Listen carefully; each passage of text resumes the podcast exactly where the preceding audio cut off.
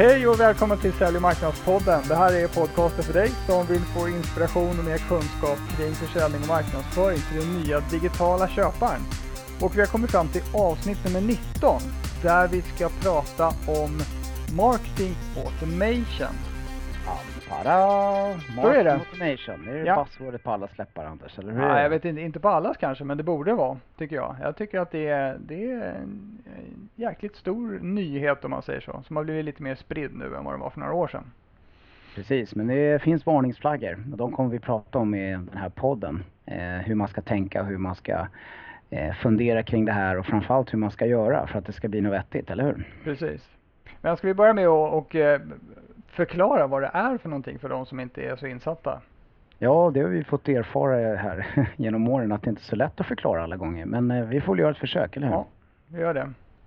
Eh, jag skrev en liten text här om vad det är. Det är för det första så är marketing automation det är alltså en programvara för marknadsföring.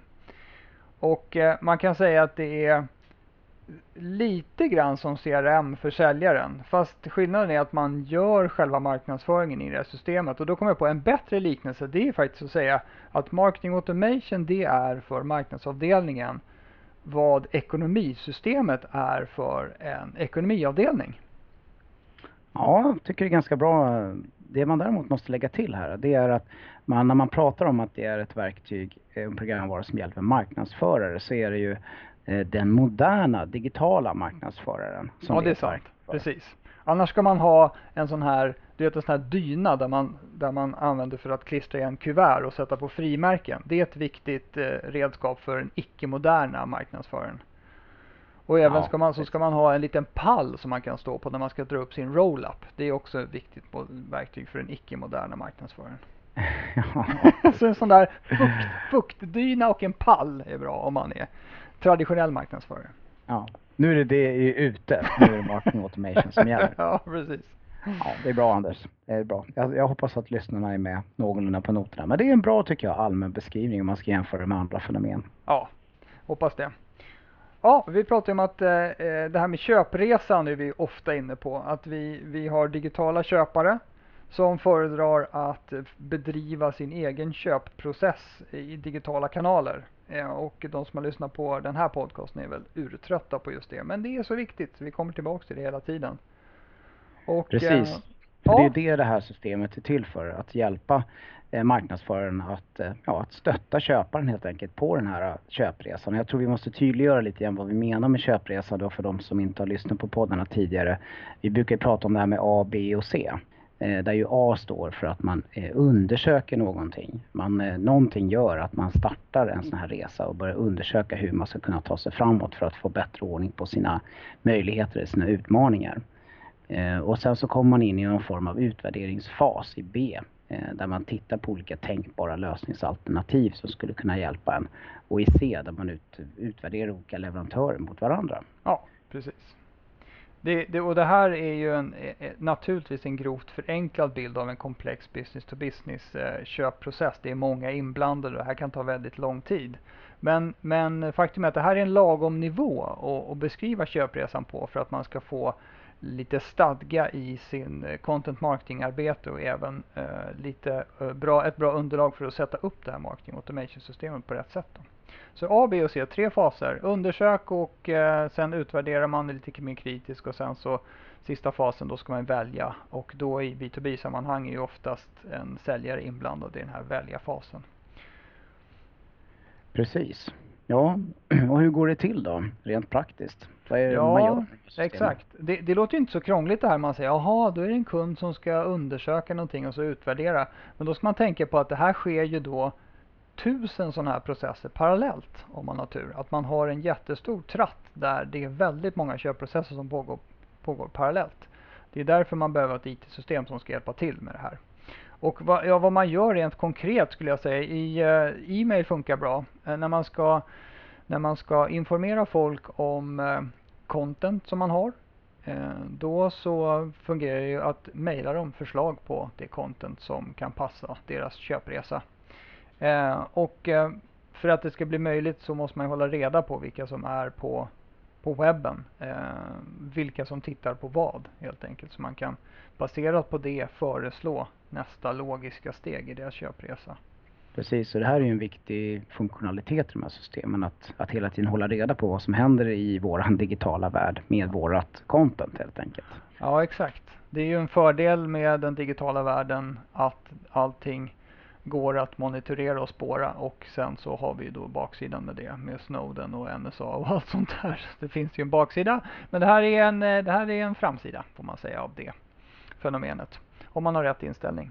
Ja, sen använder man de här systemen också för att posta i sociala medier och sådär för att eh, eh, få ut sitt budskap i de breda lagren ut, utanför så att säga, sin egen e-mail-databas.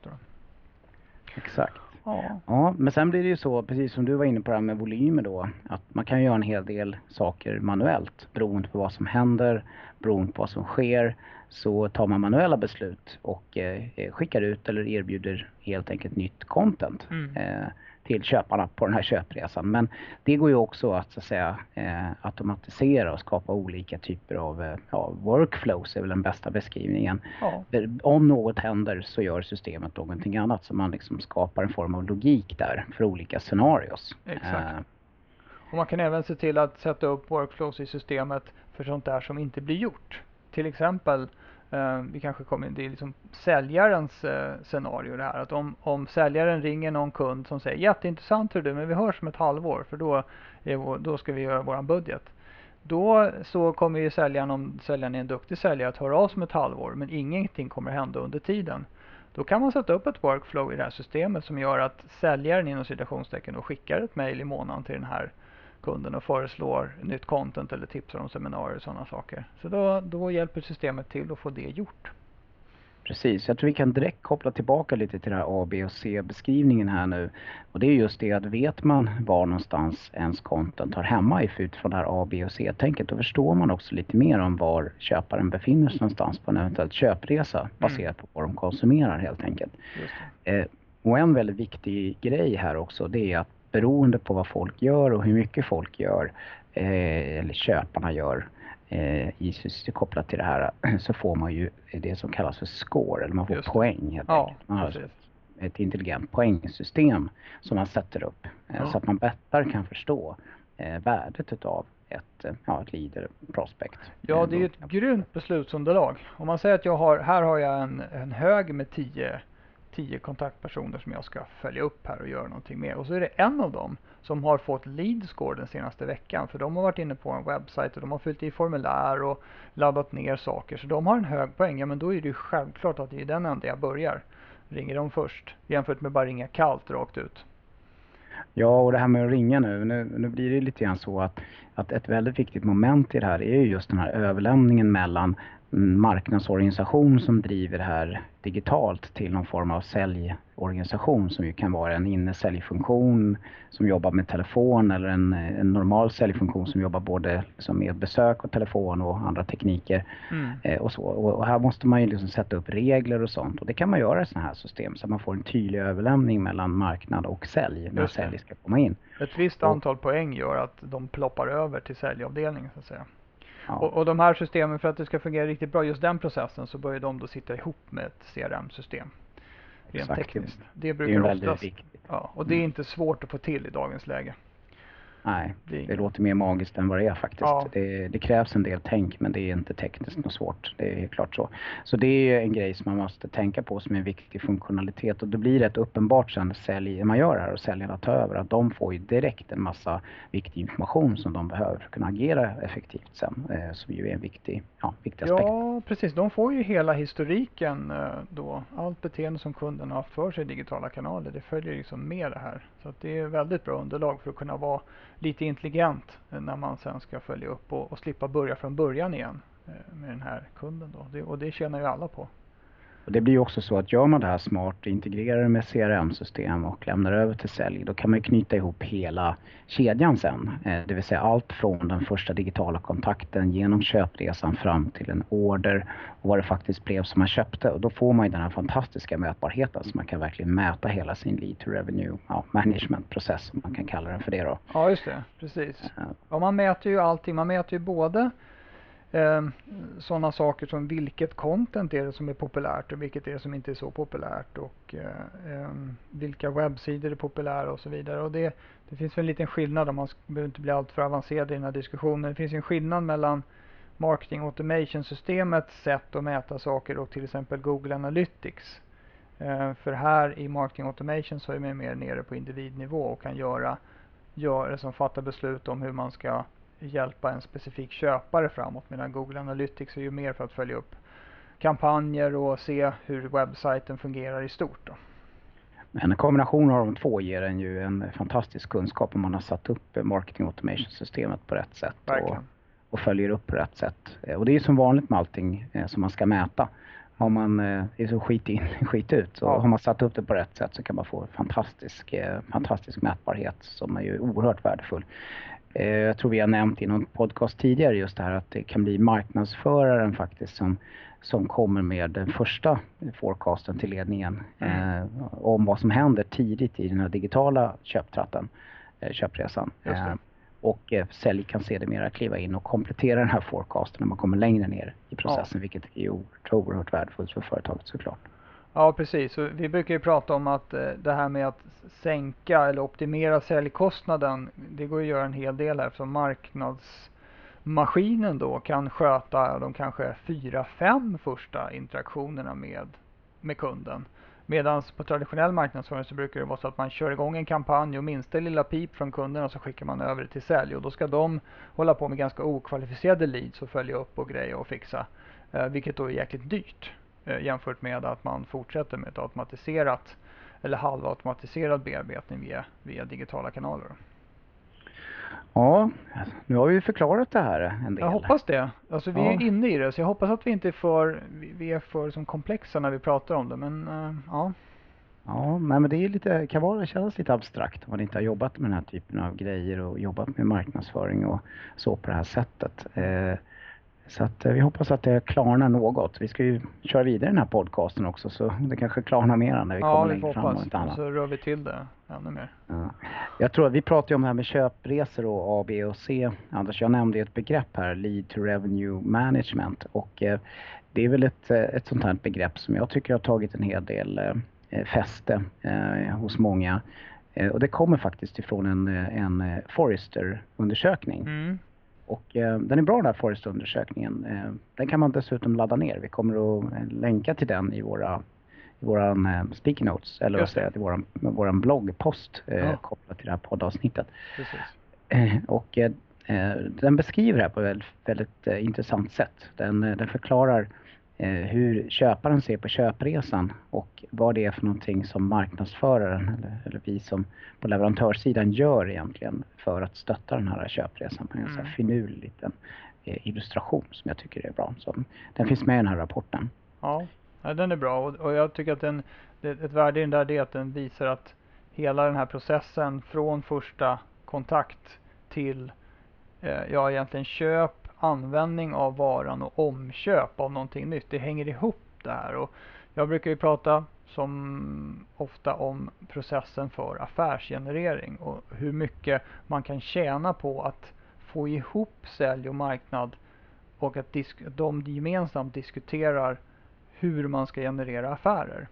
Så att det inte blir någonting, marknad genererar leads, sälj följer upp och så är det alltid lite gnissel och knak däremellan i överlämningen. Att ingen tycker att den andra gör ett riktigt bra jobb och sådär. Men, men kan man samsas kring den här processen som då på amerikanska heter Lead to Revenue Management Process eller någon försvenskad variant som är processen för affärsgenerering då. Då har man ett mycket bättre förutsättningar för att lyckas helt enkelt.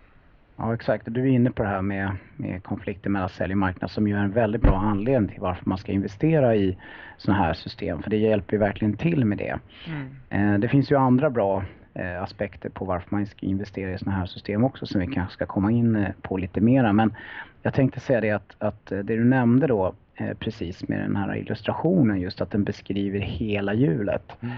Och det ska man ha, ha kvar i åtanke hela tiden att dels så stöttar ju det här att, att skapa nya affärer. Mm. Men det skapar ju, kan ju också användas för att stötta att skapa nya affärer hos befintliga kunder. Oh ja. Alltså sälja upp och sälja mer. Mm. Så det ska man absolut inte glömma bort. Det ska man tänka på att det, det finns en värdeaddering i båda, i båda världarna här.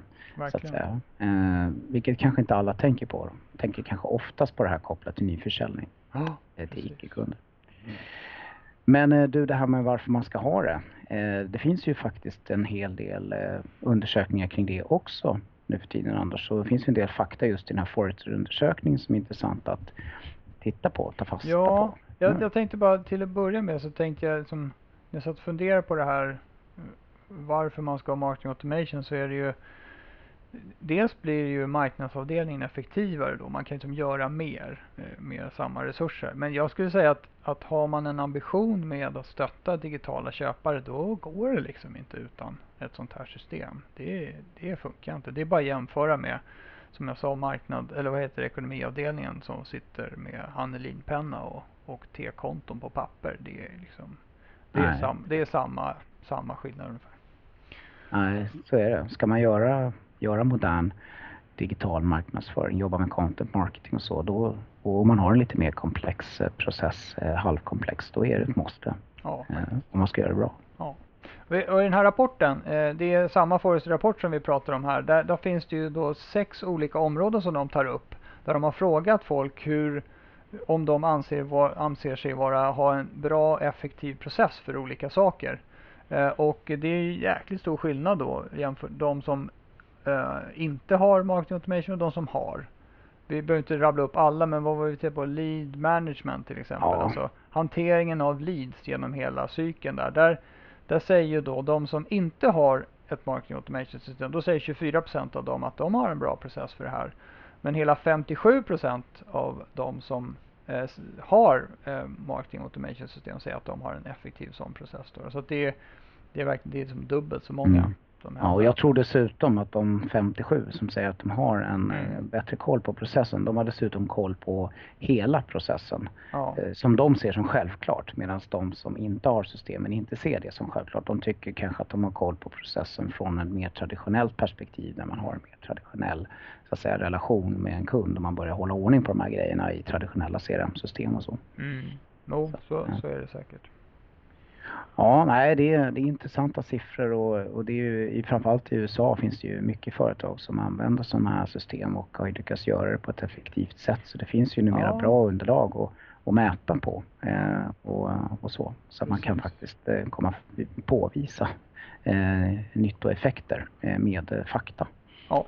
Så är det. Så det är bra. Ja, det är bra. Vi, ja, det låter som vi hårdsäljer marketing automation, men jag måste säga att jag, jag, jag tycker det är så himla bra. När, när jag först kom i kontakt med det för ganska många år sedan nu så som marknadsförare själv så kände jag vilket lyft det vart. Att det var verkligen som en herregud vad skönt. Nu har jag äntligen fått något stöd här. För att det har ju rått någon sorts missförstånd i många, många år att att CRM-systemen ger marknadsföraren hjälp i sitt arbete, vilket det inte alls gör. Det, det, är ju, det brukar finnas några fjuttiga kampanjmoduler eller något sånt där i, i eh, CRM-systemen, men sen är det ju helt slut. Så det, det är som natten ja. verkligen.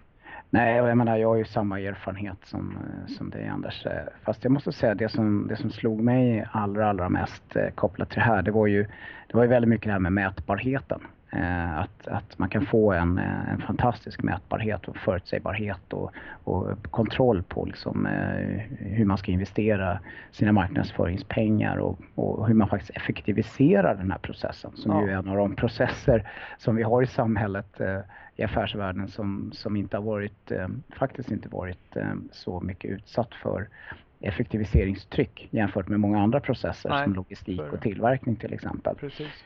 Eh, sen så var det naturligtvis den här kopplingen mellan marknad och sälj eh, och, och, hur det faktiskt fungerar för sälj. När man gör det på ett vettigt sätt så inser man liksom att det finns stor effektiviseringspotential kring det här och eh, det krävs en hel del för att få till det men, mm. men det, blir verkligen, det blir verkligen intressant när man lyckas. Och, det finns ju även i den här rapporten vi nämner lite grann hela tiden här, den, där finns det ju även tydliga siffror som visar på, på att man får en mycket, mycket mera tydlig mätbarhet eh, inom ett antal olika typer av områden. Mm. Eh, när man har frågat bolag som har infört det och sådana som inte har. Så att, eh, ja, och sen på ett sätt som gör att man kan göra någonting åt det också. Det blir, det blir ja. det man mäter det är väldigt då påverkbart. Så att man får inte någon mystisk dashboard där det är någon, någon färg eller någonting. Utan, och så undrar man vad man ska göra åt saken. Utan här är ganska rakt på. Då vet man, ja okej då ändrar vi det här. Ser om det blir bättre eller sämre. Ja. Eh, det... Ja, Ska vi glida in lite grann på hur man ska tänka för att lyckas då? Eh, och lite rekommendationer runt det kanske? Ja, det kan vi göra. Får jag bara snabbt säga det här. Varför snackar vi om det här nu för med marketing automation? Systemen i sig har funnits i ganska många år. Eh, och, men men det, det, det, jag ska säga det har hänt två saker. Dels har det aktualiserats av att köparna blir mer och mer digitala. Ehm, det, så är det. Och sen så har de här systemen nu börjat levereras som molntjänster. Så att det är inte förknippat med någon jätteinvestering upfront för att köpa massor av licenser och börja med komplicerade IT-projekt för att få igång det här. Utan det, det är ganska enkelt att och rent tekniskt komma igång med de här systemen. Vilket är underbart bra för då kan man fokusera på sin affärsprocess istället. Så det känns som att tröskeln har blivit mycket, mycket lägre de senaste åren. Eh, så ja, och det här är en sån här eh, IT-grej som är ju väldigt, väldigt tydlig vem det är som ska köpa den. Det är inte IT-avdelningen utan det är, det är verkligen eh, ja, marknadsförare och försäljningschefer och ja, så som, som ska köpa de här systemen. När jag, köpte mitt första, när jag köpte mitt första system som marknadsförare då gjorde jag det bara. Jag bestämde för det och så köpte jag ett. Och mm. IT-avdelningen de, de var inte inblandade överhuvudtaget. Nej, precis. Ja, det är så det måste gå till. Mm. Eh, och det är så det kan gå till väldigt mycket nu. Sen måste jag säga att systemen har ju mognat. Eh, det är ju, de börjar ju bli, bli bra. Ja. det går att göra det man vill med dem.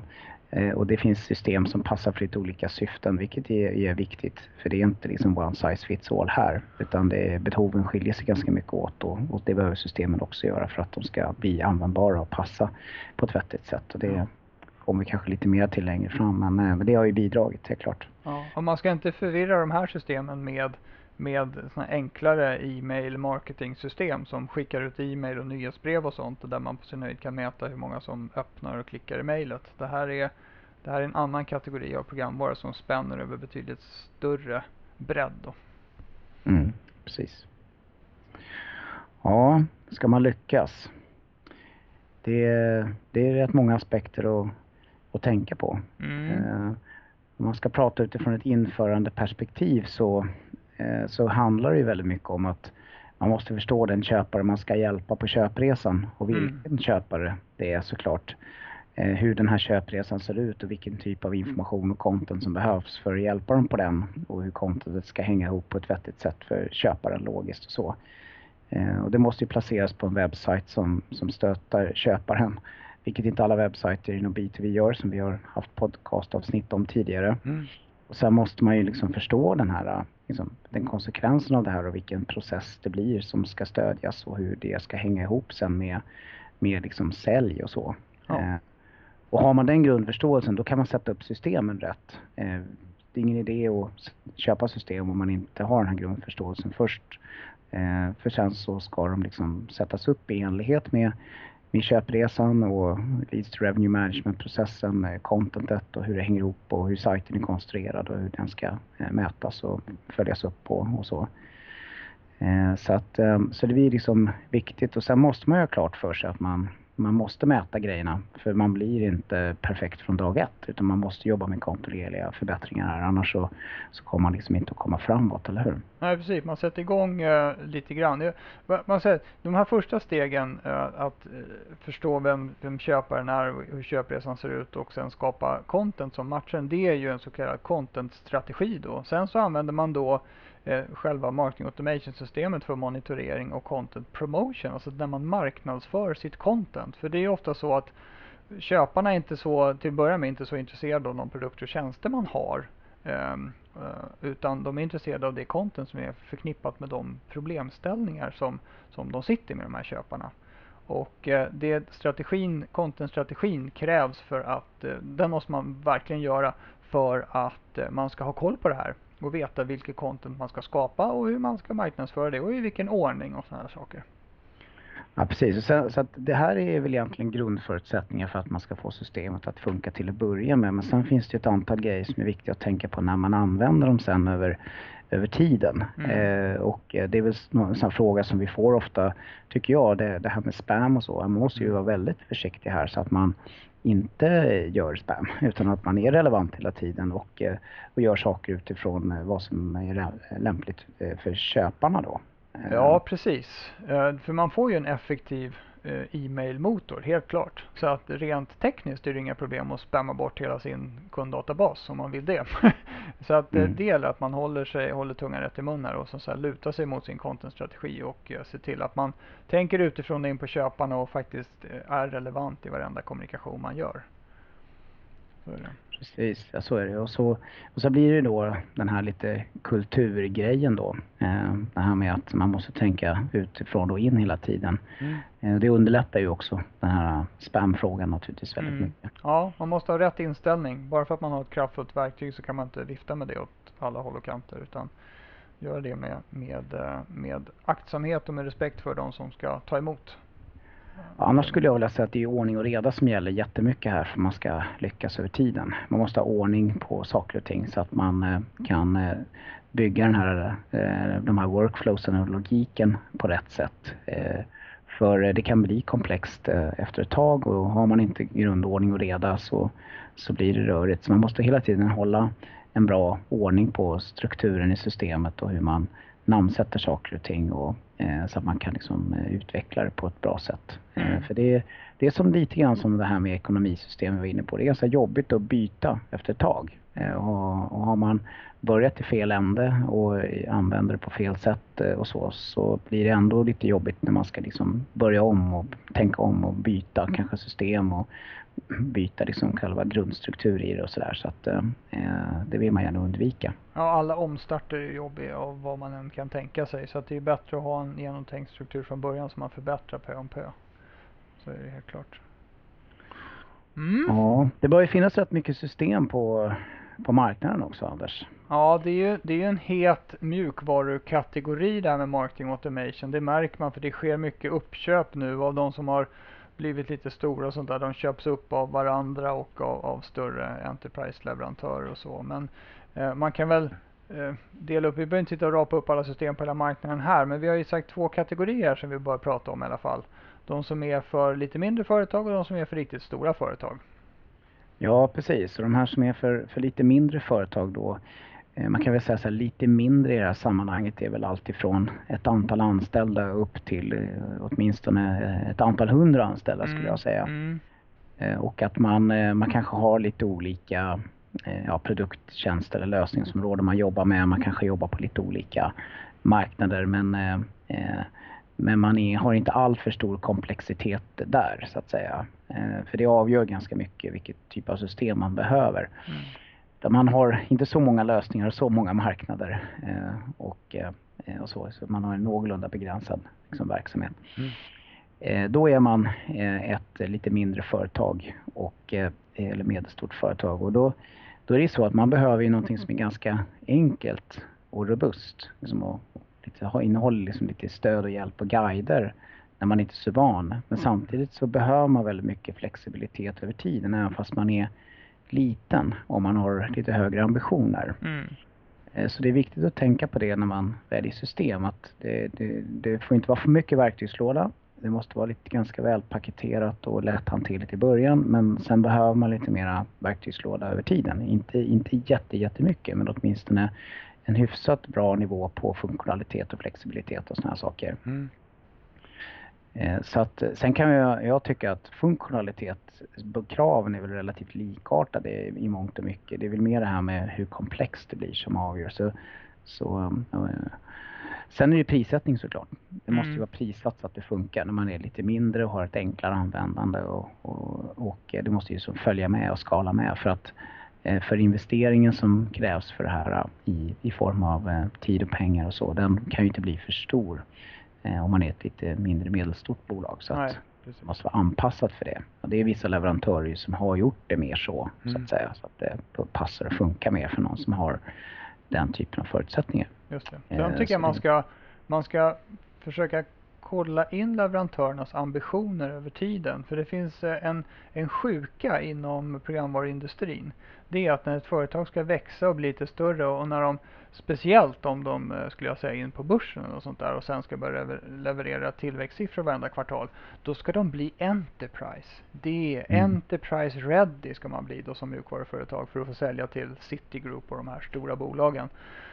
Och då drar det iväg med helt annan typ av funktionalitet som kanske leder oss in på Enterprise-systemen. Eh, så man ska, tycker jag, ha koll på om det företag som man väljer som leverantör har som ambition att bli en Enterprise-leverantör eller om de fokuserar och håller sig kvar vid eh, den marknaden som är små och medelstora bolag. Aha, det. Jag tror det är ett jättebra tips Anders. Det är också så att när man har jobbat med sådana här system ett tag kommer man inse att det finns ganska mycket kvar att önska.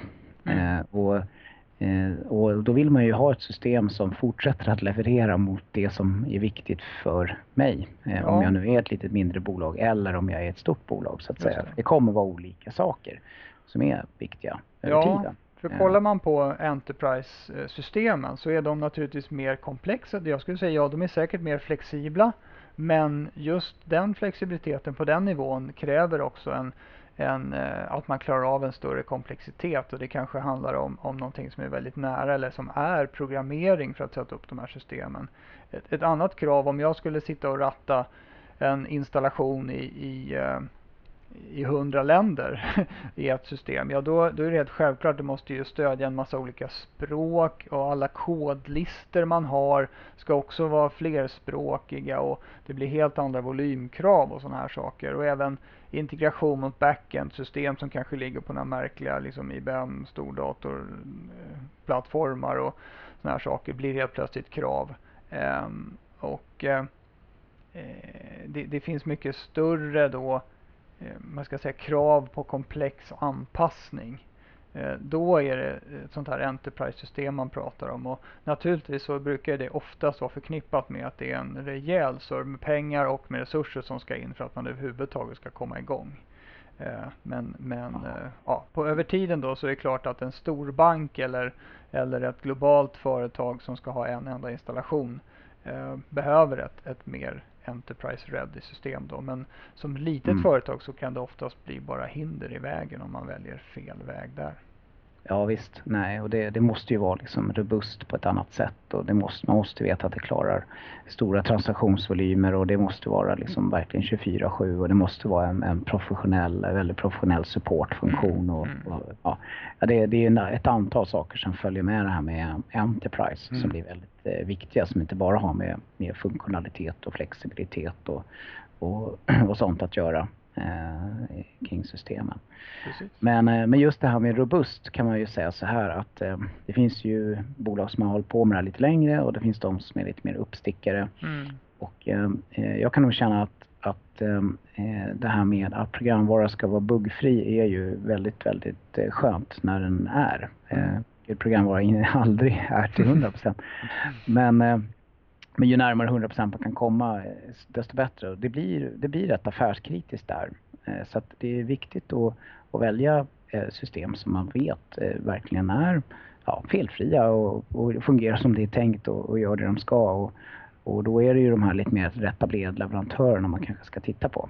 Ja, För det är svårare att få till när man är yngre och en uppstickare eh, i, i en sån här bransch, programvarubransch. Ja, så är det. Ja, eh, du, eh, eh, i den här undersökningen vi har pratat om så finns det ju eh, faktiskt en hel del analys också på de här grejerna och lite positioneringar av system mot varandra så att det, det kan man ju studera lite närmare. Ja just det, Forrester har gjort en sån här Forrester Wave eller två stycken, en för Enterprise och en för lite mindre system som lämpar sig för lite mindre företag. Och de, de finns med i den här rapporten så det, det är ja, en, bra, en bra rapport helt enkelt. Uh, och den har visat sig att gjort tillgänglig på våran sajt och så man kan ladda ner den och länken finns i show notes. Den här bloggposten som hänger ihop med, med det här avsnittet helt enkelt. Så där kan man gå och ladda ner. Jag tycker det är så roligt de här uh, analysföretagen Wave Reports. Ja. Det är deras motsvarighet till uh, Magic, Quadrant. Magic Quadrant. Det är inte en vanlig Quadrant utan det är en Magic Quadrant om vi pratar om Gartner. ja, vi måste ju ha något tips också Anders. Ja, det tycker jag. Kör du, ta tips du. Jag ta ett tips? Ja. Mm. Jag menar, någonstans så handlar det om att eh, köp inte system. Det är grundtipset. Utan eh, tänk till på att hur ska jag klara av de här stegen som vi pratade om här tidigare. Hur ska jag liksom kunna få fram svaren på det här med köparna och köpresan och content och sajter och, och grejer och, och, och leads revenue management processer innan jag köper system. Ja. Det är väldigt viktigt. För har jag inte klart för mig jag ska lösa det, då är det liksom ingen idé kan jag säga. Nej, man säger bara marketing automation, det kan man säga, det blir nästan alltid bara spam. Och, och mm. bara content, det blir bara en massa surr. Men de här två sakerna ihop, kopplat till rätt inställning, va, det kan bli riktigt, riktigt bra faktiskt. Ja, sen har vi pratat så mycket om den här rapporten så det är väl en självklara tipset. Läs rapporten. Ja, just det. Det tycker jag nog. Det kan vara värt att lägga några minuter på att kolla igenom den här rapporten om man är intresserad av det här området. Exakt, men det är bra. Ja, den är bra. Ja, kanske Bra. vi ska tacka för oss. Ja, det tycker jag. Vi har väl bara ett eh, litet tips här på vägen, rent generellt mänskligt, eller hur? Och det är någonting man ska vara. Ja, precis. Ska vi säga då? Man ja. måste ju vara relevant. relevant. Tänk på det. Ha det bra. Hej då! Du har lyssnat på avsnitt nummer 19 av Sälj och marknadspodden och eh, vi pratar en hel del om en rapport under det här avsnittet. Eh, den kan du ladda ner via en länk på vår hemsida www.businessreflex.se. Det finns eh, en länk i den bloggpost som hör ihop med det här avsnittet. Ha det bra, hej då!